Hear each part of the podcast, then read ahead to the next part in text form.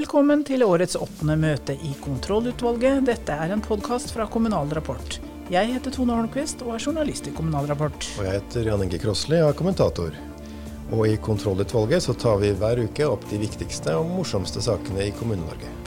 Koronakrisen og KOSTRA-tallene er stikkord for dagens møte. Først skal vi snakke med Mari Tomral, direktør i Barne-, ungdoms- og familiedirektoratet, også kalt Bufdir, om barn og unge i koronakrisen. KOSTRA-tallene viser at økonomiske resultatene i kommunene i koronaåret ble overraskende gode, og det skal du og jeg snakke litt om. Det skal vi. I dag er det Fredrikstad-ordfører Jon Ivar Nygaard som vil fra rådhuset i Fredrikstad til Stortinget. Og han må svare på ti kjappe spørsmål fra kontrollutvalget. Og under eventuelt til slutt blir det isbading for en god sak. Er dagsorden godkjent? Den er godkjent, og møtet er satt. Barn og unge, særlig de mest sårbare, betaler en høy pris for eh, smitteverntiltakene mot koronaviruset. Det mener Marit Romal, direktør i Barne-, ungdoms- og familiedirektoratet, Bufdir, som vi har med oss i kontrollutvalget i dag. Velkommen. Takk skal du ha. Denne uka kom det foreløpige KOSTRA-tallene fra Statistisk sentralbyrå.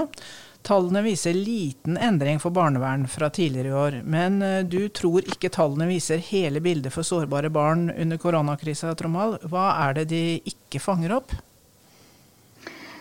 Uh, under nedstengingen nå, så er jo alle arenaene hvor barn og unge er på, og tjenestene til barn og unge, de har jo blitt sterkt redusert.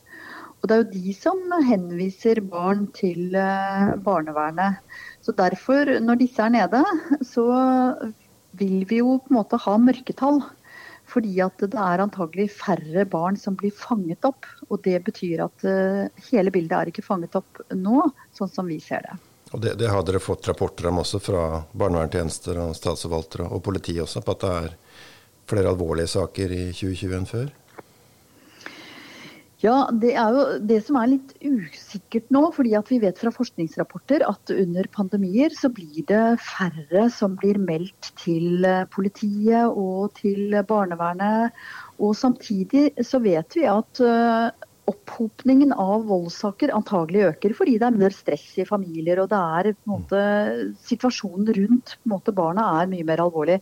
Og Det ser vi også fra enkelte barnehus og enkelte barnevernstjenester. At de forteller om, eh, om, mer alvorlige voldssaker som de observerer. Men hvor mange det er, det er jo det vi ikke vet, og det er jo problemet. Du sa i et eh, intervju med Kommunal Rapport sist uke at du er særlig bekymra for at funksjonshemmede barn ikke får de tjenestene de skal under koronakrisa. Hva er det som glipper i tjenestene til eh, funksjonshemmede barn? Dette er jo familier som vi vet fra vanlige situasjoner strever med å få koordinerte tjenester. Og Når da tjenestene samhandler dårligere under en pandemi, så er jo de i risikosone. Og det ser vi i forhold til avlastning eller spesialpedagogisk tilbud. Disse tingene har de vanskeligheter med å få nå under pandemien. Men, men heller det hele altså Det gjaldt vel særlig i begynnelsen, men er det fortsatt uh, sånn at ikke de får et godt nok tilbud? Ja, hvis vi ser nok det, selv om det var eh, mye verre i, eh, i mars-april i fjor. Så så vi at det tok lang tid før tjenestene tok seg opp igjen. Og så har vi også sett nå i løpet av høsten og tidlig nå på nyåret at det har blitt forverringer i samhandlingen og de tjenestene som barn og unge får. Og da er det særlig funksjonshemmede vi er bekymra for. Nå har jo regjeringen åpna for å innføre et nasjonalt krav om to meters avstand hvis ikke smitten går ned ja, i løpet av denne uka. vel. Oslo setter inn digital undervisning i skolene igjen. Du leder jo en statlig koordineringsgruppe med ledere fra åtte direktorater. og Dere har bedt regjeringen om å, at tometerskravet ikke må gjelde for barnehager, skoler og, og, andre tjenester til barn og unge. Og dere vil vel heller ikke ha Dere vil ha mest mulig åpne skoler også. Hvor, hvorfor det? Ja, Vi vil ha mest mulig åpne skoler og barnehager. I Norge har vi jo et uh, universelt tilbud som gjør at barn blir sett. De har en arena å være på, uh, helt uavhengig av hvordan de har det hjemme. Og dette er viktige arenaer som, uh, som melder fra, enten det er til, nei, til barnevernet eller andre. Og det er så viktig for at eh, barn skal ha det bra. Og Hvis vi innfører tometerskrav i barnehager, skoler, men også i måte, tjenestene, helsestasjon, BUP osv., så, videre, så vil det bety at veldig mange av disse tjenestene og arenaene faller bort. Det betyr at færre barn og unge har mulighet til å bli oppdaget hvis de har problemer. Og det betyr også at de har færre arenaer å være på og få hjelp. Når vi vet at belastningen for barn og unge har vært så stor som det den har vært det nå, så vil et sånn tometerskrav bety en betydelig forverring for muligheten for barn og unge å utfolde mm. seg og utvikle seg. Vi får håpe vi slipper det. Takk til Marit Romal, direktør i Bufdir. I de foreløpige KOSTRA-tallene fra SSB finner vi også kommunenes regnskapstall for 2020. Og den litt overraskende nyheten er at eh, koronaåret ikke ble den, det økonomiske kriseåret som mange frykta. Netto driftsresultat for kommunene ble 2,5% som er eh, mye bedre enn i 2019. Mm, hvis vi tenker tilbake, så var veldig mange kommuner veldig bekymra i fjor sommer og, og høst. og Kommunedirektørene så for seg blodrøde tall i, i regnskapet. Pengene rant ut til eh, å bekjempe pandemien, mens inntektene fra skatt og brukerbetaling og kollektivtransport som ikke vi tok lenger, de, de stupte jo. Mm. Likevel så viser det seg nå at det gikk bra med økonomien. Eh, hva var det som skjedde egentlig? Ja, hva var det som skjedde egentlig? Nei, For det første må vi vel med disse regnskapstallene kunne slå fast at regjeringen har stilt opp for kommunene, sånn som kommunalminister Nikolai Astrup og andre statsråder har, har, lovet. Altså at kommunene har fått kompensert de ekstrautgiftene de har hatt og de inntektene de har tapt på koronakrisen. Om ikke hver enkelt kommune, så, så i hvert fall kommunene samla sett. Mm. Er det andre grunner til at de økonomiske resultatene ikke ble så ille i kriseåret? Ja, Disse KOSTRA-tallene forteller jo ikke så mye om årsakene til ting, men, eh, men både KS og enkeltkommuner har pekt på flere årsaker. Eh, og de aller fleste av dem har ikke så mye å gjøre med hva kommunene har gjort. Eh, kostnadsstyringen har nok vært litt strammere en del steder, men, men de fleste årsakene ligger utafor kommunenes handlingsrom, egentlig. Så kommunene har hatt mindre utgifter enn budsjettert på fire områder, altså til pensjon. Eh, lønnsoppgjøret blir mine, ja, lønnsutgiftene mye mindre enn vanlig. Rentene har vært lave. Og aktiviteten i en del tjenester har vært lavere. altså Det har ikke vært så mye ekstra aktiviteter på skolene, og ikke på sykehjemmet heller, for den saks skyld. Også og så har noen kommuner fått mer inntekter enn forventa fra Havbruksfondet. Det er jo en del kystkommuner som får penger derfra. Eh, og mange har jo kommuner, kommuner har jo penger i aksjefond og sånn, og, og, de gikk også bedre mot slutten av året. Det ble ikke så krise som uh, i verdensøkonomien. Den tok seg opp igjen. Har uh, kommunene fått for mye kompensasjon for uh, staten? Er det blitt overkompensert? Overkompensert? De må betale tilbake, kanskje? Nei, jeg tror, jeg tror ikke det. noen kommuner kan ha fått litt for mye, mens andre igjen kan, kan ha fått litt for lite. Da. Man må jo fordele man har jo prøvd å gjøre det så presist som mulig, men uh, på millimeteren går det jo ikke. Men, uh, men, det er også viktig å være klar over at disse regnskapstallene kan være litt kunstig høye. Uh, for kommunene fikk mye i kompensasjon helt på slutten av 2020. Og det ble bokført som inntekter da, men, og satt på fond, men skal ikke bli brukt før i, i år. da.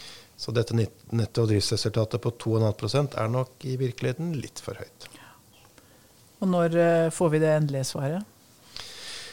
Nei, De endelige KOSTRA-tallene kommer jo i juni. Men uh, det er jo en arbeidsgruppe her som jobber med å se på koronakonsekvensene for økonomien, uh, hvor KS er med. Og de skal lage en ny rapport nå før revidert nasjonalbudsjett, som kommer i mai. Så da får vi litt mer svar på hvordan dette henger sammen. Ja, da får vi følge med videre på det.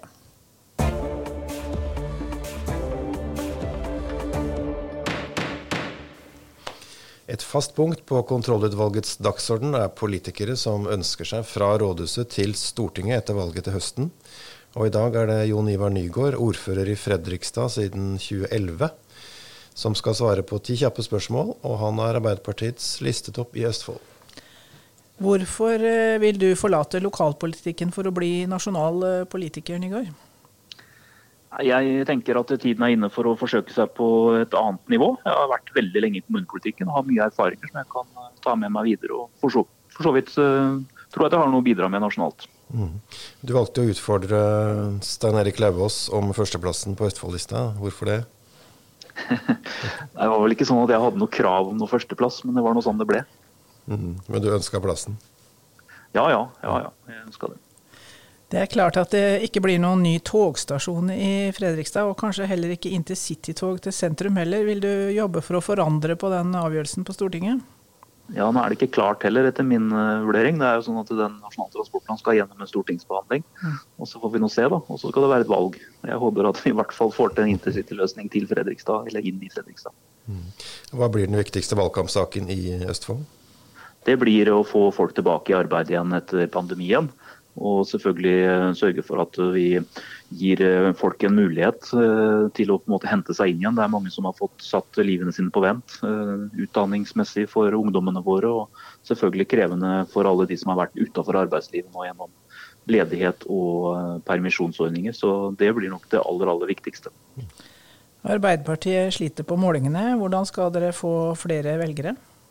Ja, det handler om å bygge tillit. Det handler selvfølgelig om at vi Eh, treffer med vårt budskap. og Det er jeg ganske overbevist om at man kan klare med tanke på at vi jo tradisjonelt er et parti som har eh, det å sette folk tilbake i arbeid og det å bygge sterke fellesskap som, eh, som vår viktigste løsning. Så gjenoppbygging etter korona blir viktig å markere Gjen... seg på for Arbeiderpartiet? Ja, det blir det. Mm. Men det er ikke sånn at arbeidsledigheten plutselig oppsto heller, men det er selvfølgelig blitt verre med koronasituasjonen. Mm. Hvordan skal du drive valgkamp? Eh, det vil jo sannsynligvis fortsatt være koronakrise i august, med å møte folk blir vanskeligere? Ja, det er jo krevende. Det er jo likt for alle partier, da. Men eh, det er selvfølgelig ekstra krevende for oss som uh, tradisjonelt har hatt stor glede av å være mange og, og bruke husbesøk og den type virkemidler. Men uh, bl.a. så uh, snakker jo vi om å, å, ringe folk, da. Og kontakte folk på den måten. Så det blir ikke noe rose det er litt tidlig å si. Ja.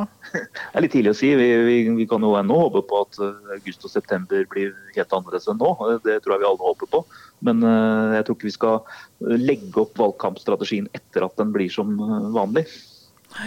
Eh, hvilken sak var det som tente ditt politiske engasjement? Hvis det var, det var en sak? Ja, det var miljø- og klimasaken. Det var egentlig sånn at jeg ble aktiv rundt den perioden hvor Brundtland-kommisjonen kom med vår felles framtid. Så det var klima- og miljøsaken som var mest utløsende den gangen, tilbake i 1989. Er det hun som er ditt politiske forbilde også, da? Det er neste spørsmål. ja, i den grad jeg har noe forbilde, så vil jeg si at det er Gro Harlem Brundtland. Ja. Mm. Hva er den viktigste reformen en ny regjering må gjennomføre i neste periode? Den viktigste reformen Jeg tenker eh, Sett fra mitt ståsted som kommunepolitiker, så tror jeg det å få eh, til noe som eh, virkelig virker på heltidsområdet, hadde vært veldig spennende.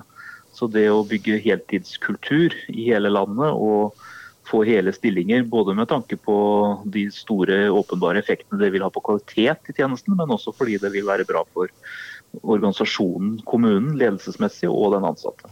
Tillitsreform snakker vel Arbeiderpartiet også om? Ja, tillitsreform en, også, kan også være en god innramming av heltid, tenker jeg. Mm, ja.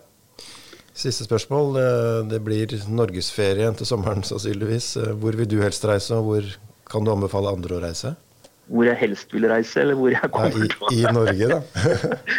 ja, nei, jeg kommer til å oppholde meg på sjøen. Ja. Jeg har båt ja. og kommer til å sikkert eh, da måtte forholde meg til den norske kysten. Så det blir sikkert nedover sørlandskysten, tenker jeg. Mm.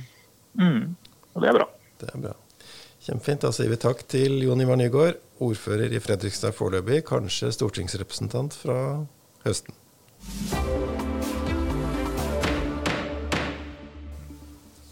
Ja, Tone, har du noe til eventuelt i dag? Ja, jeg tenkte det skulle komme med en liten advarsel til eh, ordførere. Uh, om hva da? Eh, om ikke å inngå veddemål med noen som er yngre og sprekere enn deg. For dem vil gjøre alt for å knekke deg. Uh, er det noen som har vært så dumme, altså? Ja, altså Senterpartiordfører Ivar Vignes i Stjørdal lovte å isbade hvis russen kunne samle inn 75, kroner, 75 000 kroner til kreftsaken. Og det klarte de jo da, selvfølgelig. Og så øh, var han øh, eplekjekk da, og utfordra tilbake. Hvis summen oversteg 100 000, skulle russen bade sammen med han. Og da ble det jo 130 000 til kreftsaken. Og det er jo Veldig bra, men vel framme på stranda da, så var det en ny konkurranse. Og det var å være lengst mulig ute i vannet med vann, altså vann eh, over hele kroppen. Hodet fikk lov til å være over. Og vet du hvor lenge han var uti før han tapte denne badekonkurransen? Normale er vel to-tre minutter. Han holdt kanskje fem minutter, da. 16,5 minutter. Så i Stjørdal Blad kan du se en rosa og skjelvende ordfører stige opp fra Molostranda. Jeg ser den. Ja. Ser du det for deg? Ja. ja, det kan være farlig, dette her. Ja da, men eh, da hadde de altså Røde Kors var på plass. Men likevel, altså 16,5 minutter i isvann, det er kanskje 3-4 grader. Men eh, altså, han kan jo få kreft av sånt? Nei, nei, nei, nei, du får ikke kreft av det, vet du. Men han kan bli kald både her og der. Ja, okay. Pengene gikk til en god sak, da. Det gjorde han. Og, så det varmer jo det, da. Men likevel, altså, vær forsiktig med å vedde med russen, for de er yngre og sprekere enn deg og vil alltid vinne. Da hever vi møtet. Det gjør vi.